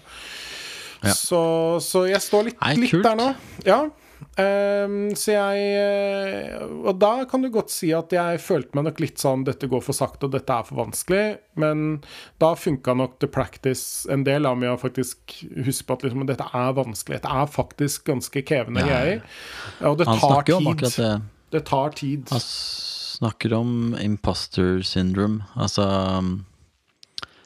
Herregud, hva blir det på norsk? Altså den følelsen av at du Det var juk juksemakersyndrom, liksom. Altså dette var jukse, juksemakeri, ja. Mm. Bløff, bløffmaker, liksom. Ja. Uh, at det er helt ekte, liksom. Og, men du gjør det du skal. Du er en som uh, akkurat nå skriver. Kan man si det? Altså, du er jo en som skriver. Altså, Ja, ja. Du, du skriver Ja, ja, hele tiden. Du har skrevet fem, var det 25 000 ord på denne, og jeg vet at du, du har andre sideprosjekter som eh, dundrer av gårde, de også. altså, liksom, du skriver, på de siste årene så har du jo produsert ekstremt mye tekst. Og du jobber nå helt konkret for å ikke bare være en som sitter hjemme og produserer masse tekst, men du jobber, dette skal jo være Dette skal jo shippes til verden. Fordi det kan være noen av utbytte av, av Ja. å høre det. Og det, er jo litt sånn roadblock nummer to, da. Eh, Ja, fordi at eh, Igjen, jeg er enig med å, å ha en følelse av at jeg skal greie å lande dette på et eller annet vis. Eh, til slutt, den historien, eh, om den blir god eller dårlig, andre enn meg vurdere, men i hvert fall at det blir en historie til slutt, at jeg, at jeg kommer i mål med manuset. Eh, Og da er jo da det er, liksom, det er to elementer, da, tekniske elementer. Det ene er det vi kan kalle liksom sånn podkast-elementet, som går litt på lydeffekter og produksjon og, og ja, den biten. Den vet jeg at um, jeg, og ikke minst du, kan, kan være med å få til veldig bra. Det vet jeg at, at liksom, det har vi kontroll på. Jeg vet, når jeg hører på det andre har lagt ut, så tenker jeg at vi står ikke noe tilbake med de triksene Ludo vi har lært oss, til å få til noe av det samme. Eh, kanskje ikke like bra, men i hvert fall godt nok. Mer enn godt nok. um, men det som er den andre elementet, er jo selve fortellerstemmen. Og noen må jo faen meg lese den jævla teksten til slutt, liksom. Og det må funke. Ja. Og da Jeg syns du skal ha sånn audition, jeg. Kan du Ja. ikke ha audition? lage audition. Um, Så, lag sånn eh, Du bor i Sarpsborg. eh, Lag til Sarpsborg Arbeiderblad. Eh, Få dem til å komme ned, så setter du deg opp på torget, og så kommer folk én og én og leser eh, utdrag. Eh, i, nei, jeg tror ikke jeg gjør det. Men eh, det som var den opprinnelige planen min, var å prøve å lese inn selv. Det snakka jeg vel litt om. Det prøvde jeg, det funka ikke så godt. Nei. Så fant jeg et firma som leste inn eh, den type lyd Altså, de leser lydbøker, da, opprinnelig. Eller fant flere selskaper som leser lydbøker i Norge. Det er ikke mange, men de er noen. Eh, hvor de fleste av de var ganske døde, for det er de som basically de vanlige forlagene bruker. Og så var det ett som var ganske Eller mer rimelig, da, innenfor rimelighetens grenser på min liksom, privatøkonomi. Eh, så det var egentlig planen min, at jeg skulle sende dem eh, Prøve å lage en deal med dem, høre litt hva de får til teknisk, og få dem til å lese det inn. Så jeg satt meg nå for noen uker siden ned og skulle sende de ned på oss og begynne den prosessen. Eh, hvor det viser seg at de har gått konkurs. Jeg finner ingenting om de lenger. De er bare liksom sletta fra nettet og helt borte. Eh, Så de har nok rett og slett gått dukken. Så de skulle egentlig tatt bedre betalt. De skulle nok antageligvis tatt bedre betalt, ja. Eh, Hva var det de het? Jeg må bare finne ut uh, i Brønnøysund. Nei, altså, det, nå, det husker jeg ikke nå, uh, hva Nei, det het. Men det poenget er jo at sånn. de, de var borte. Um, Ja. Og så prøvde jeg da igjen å så spille inn selv. eh, Mhm. Og sendte til to andre venner av meg for å få en litt sånn second opinion. Og de også var veldig tydelige på at dette funka ikke noe særlig. Nei. Så det må jeg bare slå fra meg. Som betyr da at jeg er i beit på noen som kan lese det inn. Og så har jeg da eh, tenkt først litt lokalt. Er det noen i Sarpsborg, Østfold-området som har litt kompetanse på det, og som kanskje ja, både er flinke, men også kunne vært villige til å ta et sånt oppdrag uten en mellommann, og kanskje da fått en litt rimeligere pris? Eh, Det har jo ikke noe imot at folk tar betalt for det de kan, altså det er bare bra, men det må være noe som min privatøkonomi kan takle. Um, Så da spurte jeg rett og slett din bror, Ja, eh, som jo er en mann som kjenner kulturlivet i Østfold eh, sikkert bedre enn eh, noen andre. Eh, Ja, det- ja. vil jeg tro. Jeg vet ikke hvem andre som skulle kjent det bedre enn han, i hvert fall. Han er ja, godt kjent. Han hadde noen navn, men ja, var vel også litt tydelig på at dette er ikke noe som er sånn klassisk kompetanse i, i, her i fylket. Det er ikke noe sånn Det var ingen åpenbar sånn Yes, det er denne personen. Det var mer sånn Du kan prøve disse, men ja, vet ikke helt. Ehm, så stemme, hvis du bare kunne velge fra øverste hylle, nå bare tar vi sånn hypotetisk eh, Hvilken stemme i Norge er det du ville hatt?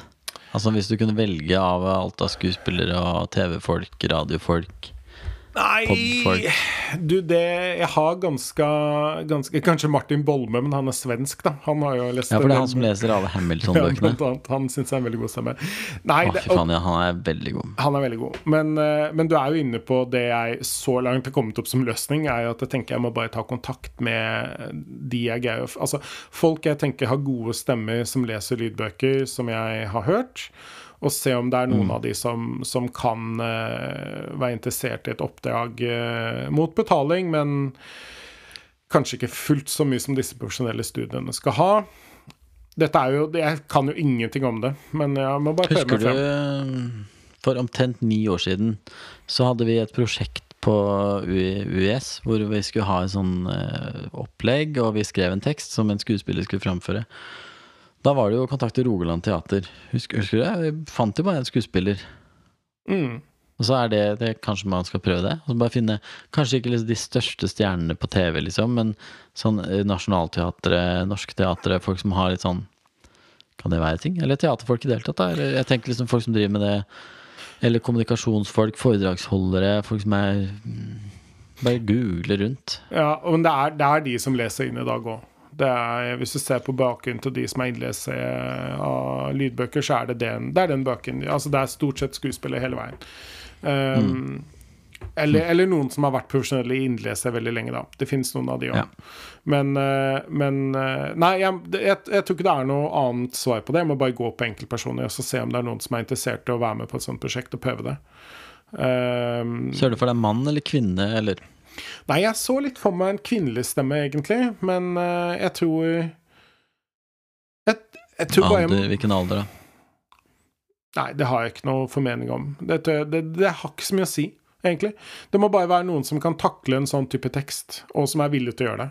Jeg tror det er, er litt sånn Så enkelt er det. Er det noen som kan ta- takle en sånn type tekst? Og jeg har noen navn som jeg har tenkt på, som jeg vet også har en Det må være en person som har evnen til å være litt dramatisk, tror jeg. Og det er på en måte Jeg tror med de to tingene i mål, så vet jeg at liksom dette er noe som jeg kan ro i land. Um, Altså med at jeg greier å få manuset ferdig, og det skal jeg få til. Den, akkurat nå så er det den stemmen som virker som det største hinderet. Mm. Det er der det på en måte strander igjen så lenge. Ja. Så det må jeg få løst på et eller annet vis. Ellers så får jeg bare ta et forbrukslån da, og håpe at det går bra. For det, så kan jeg spøye en av disse profesjonelle aktørene til å gjøre det. det Sånn to år senere så bare sånn Ser du ikke at dette var en utrolig rar pengebruk, Daniel? ja. Her på budsjettet. På andretposten så har du brukt penger på innlesere. Du har brukt penger på, på, på utgivelse på, på bøker som ingen hører på. Ja, sånn. Var det lurt? Hvor mange hører på den podkasten din? Er, du har ikke hørt på den engang. Det er ingen som har hørt på den. Ja. Det Altså, dette er jo helt horribelt. Jeg vurderer å trekke meg, faktisk. Ja, ja. Altså, hvis Daniel ikke tar altså, Det er sånn når han ser i kameraet sjøl ute Mm. på gårdsplassen sånn Han sitter her nede og tar ingen selvkritikk. Mm. Altså, hvis ikke han tar én eneste beskjed fra meg nå, så trekker jeg. Og så kommer andre sånn Ja, men vi må jo tenke på Jælen. Jælen hans er jo Han har jo ikke Jæl. La, la, la. Ja, Ja, det er nok eh, et lite Det er nok et lite billån, det prosjektet, hvis jeg skal gjøre det på den måten. Si det sånn. ja. Men husk på det at uh, penger kommer og går. Ja, sånn er det. Skål for det. Skål for det. Skal vi begynne å gå litt inn for landing? Jeg uh, har ikke så mye med mer å si på mitt prosjekt, i hvert fall. Egentlig. Har du ikke? Nei. Nei, ikke på stående Nei, altså, vi kan ehm, Ja, nei, men så bra. Det blir en liten oppdatering eh, i neste episode igjen, da. Eh, kanskje litt mindre enn for min del, iallfall mindre neste gang, siden jeg nå har fått tatt eh, alt det greiene. Jeg tenker at markedsføring av kreative prosjekter bør være tema.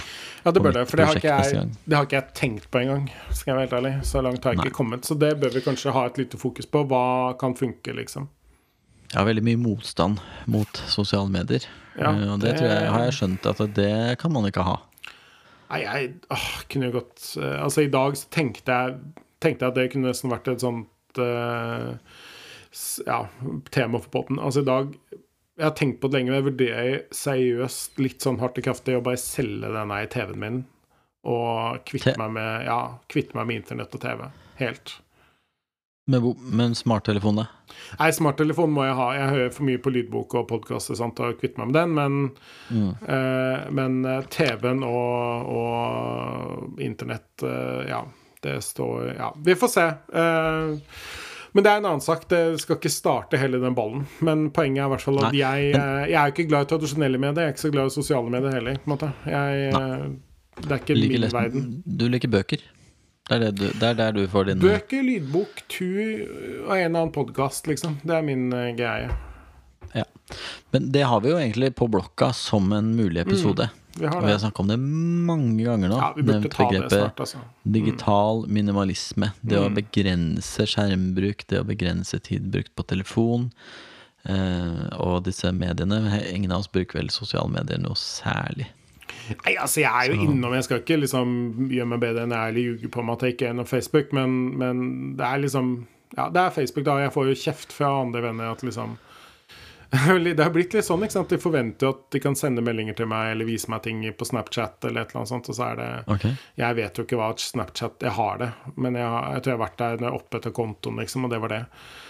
det er sånn, Hun ene venninna mi har bare konsekvent begynt å sende meg SMS igjen, for hun gir opp å prøve å få tak i meg i sosiale medier, liksom.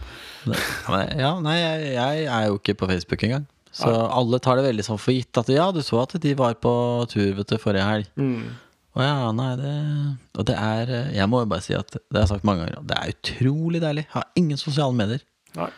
Ingenting. Jeg, jeg, jeg, altså, jeg har jo konto, liksom. Jeg kan jo logge meg inn. Men det er Åh, jeg bare Åh, jeg liker det. Og så er det deilig å være ikke en del av kveget. Veldig deilig å være utafor. Utafor boksen. Syns det er fint. Så jeg vil gjerne, og jeg, som jeg har sagt også mange ganger, jeg er stadig inne og sikler på Nokia 3100 til, til 349 på Claes Olsson. Bare gå helt hardcore på telefon og SMS.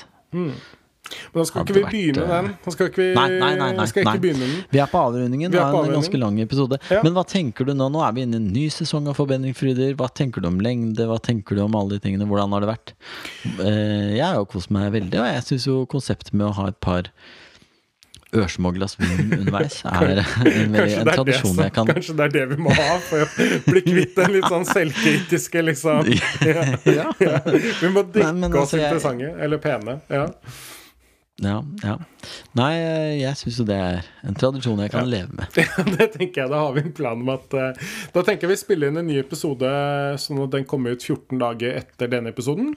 Uh, eller i hvert fall Ja. at det kommer ut en episode hver 14 dag cirka nå. Gjør det ikke det, da?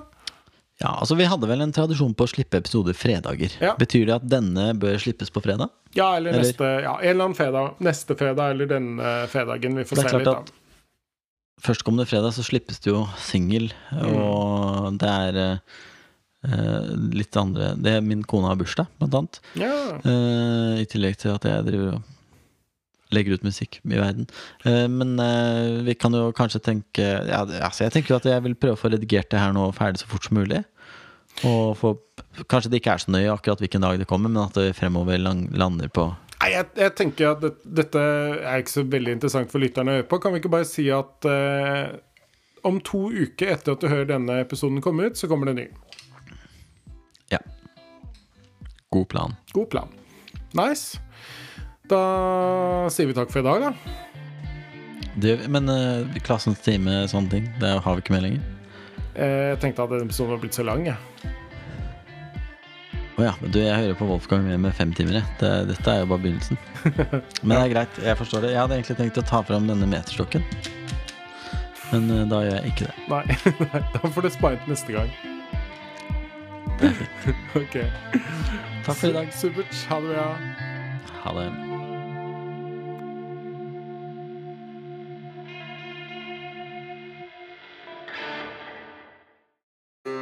Du hører nå på Forbedring Fryda med Morten Kvanvik Rønne og Daniel Haug Nystad.